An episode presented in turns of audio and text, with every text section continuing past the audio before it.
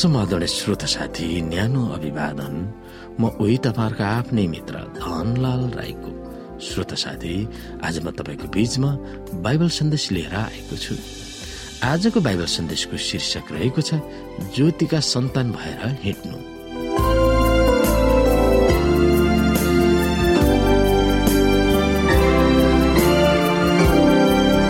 श्रोता कसैले तिमीलाई खोक्रा कुराले धोका नदियोस् किनकि ती कुराको कारणले अनाज्ञाकारीहरूमाथि परमेश्वरको क्रोध पर्छ भनेर एफएसी पाँच अध्यायको छमा उल्लेख गरिएको छ। श्रोता पश्चाताप वा पछुताउ वा लाजै नमानिकन गरिने विभिन्न पापहरूमा आसक्त हुनेहरूको पहिचान पावलले गर्दछन्। ती पापहरूमा काम वासनामा लिप्त भएर विभिन्न अनैतिक यौन सम्पर्क गर्ने अशुद्ध र खराब जीवनशैली अपनाउने र लोभमा पर्नु जस्ता कुराहरू हुन्। उनले आफ्नो भावना ठाडै व्यक्त गर्दछन्। संसारमा दुई थरीका मानिसहरू छन्। एक थरी ख्रिस्मा छन् र भविष्यको राज्यमा सहभागी हुन आफूलाई योग्य बनाइरहेका हुन्छन् भने अर्को यस संसारको अस्थायी जीवनको निम्ति मात्रै बाँचिरहेका छन्। र अनन्त जीवनको केही मतलब राख्दैन र इन्द्रिय तृप्ति तिनीहरूको लक्ष्य हो। अब क्रिस्चियन भनाउँदाहरू नै सामाजिक र संस्कारको मान्यताको लही लहीमा लागेर काम वासनामा लाग्नु ठिकै छ भन्ने खोक्रो शिक्षा र दर्शनहरूमा लाग्न सक्छन् भन्ने कुरामा बाबाले आफ्नो चिन्ता व्यक्त गर्दछन् यहाँनिर। यस्तो धोकामा पर्नु युगको अन्त्यको न्यायमा परमेश्वरको क्रोधमा सहभागी हुन सक्छ। जुन परमेश्वरका आज्ञाहरूलाई सरासर इन्कार गरेर दुष्ट काममा लाग्नेहरूमा पर्दछ। परमेश्वरको क्रोध भन्ने वाक्यांश चुनौतीपूर्ण छ। परमेश्वरको क्रोध मानिसको रिसाउने मिजाज भन्दा फरक छ। परमेश्वर सहनशील धैर्य र धार्मिक वा उचित तथा न्यायचित हुनुहुन्छ।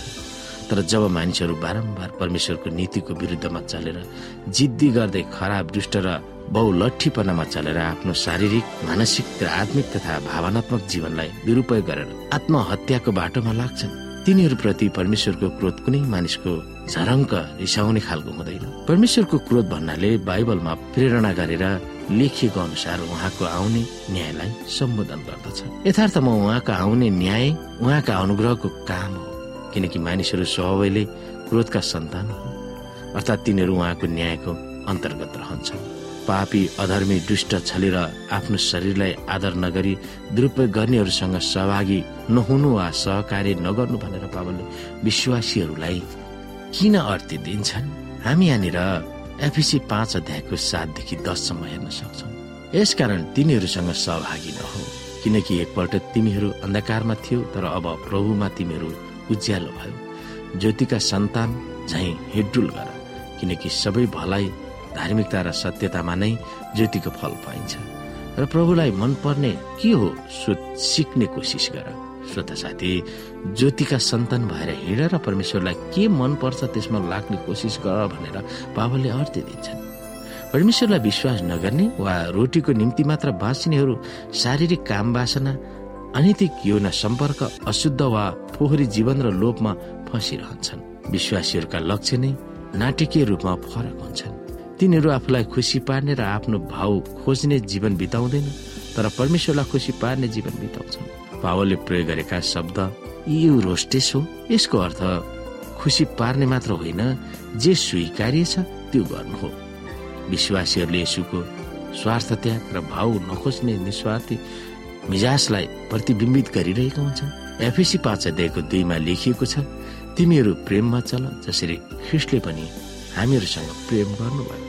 र परमेश्वरको निम्ति सुगन्धित भेटी र बलिदान भएर आफूलाई हाम्रा निम्ति अर्पण गर्नुभयो। पावलले भनेको अनुसार वर्तमान युगमा खोक्रो बलि वचन वा शब्दहरू लेखहरू वा दर्शनहरू के के छन् जसबाट हामी टाढा रहनु पर्दछ। हामी बुझ्दछौ श्रोता हामी ज्योतिको सन्तान भएर हिँड भनेर पावलले भन्दछ। र परमेश्वरलाई के मनपर्छ हामीले सक्दो कोसिस गर्नुपर्दछ। परमेश्वरको इच्छा र चाहना के हो? मानिसहरूको बीचमा परमेश्वरको प्रेम के छ त्यो हामीले बुझ्नु पर्दछ र हामी प्रेममा चल्नेहरूले शारीरिक काम वासना अनैतिक सम्बन्धहरूलाई तोड्नु पर्दछ वा क्रुसमा चढाउनु पर्दछ र धेरै मानिसहरूले अशुद्ध र फोहोरी जीवनहरू बिताइरहेका छन् र लोभमा फसिरहेका छन् मानिसहरू। जुन कुरामा परमेश्वरले घृणा गर्नुहुँदछ ती कुराहरूमा मानिसहरू लागिरहेको छ त्यसले हाम्रो अनन्त जीवनलाई नष्ट गर्दछ र हामीले पाउने स्वर्गीय मान इज्जत अथवा स्वर्गीय स्थानहरूलाई रद्द गर्दछ त्यसै कारण श्रोता हामी परमेश्वरको इच्छालाई बुझेर र परमेश्वरलाई महिमा हुने खालका कामहरूमा अगाडि बढ्नु पर्दछ त्यसो भयो भने हामीले अनन्त जीवन प्राप्त गर्न सक्दछौँ।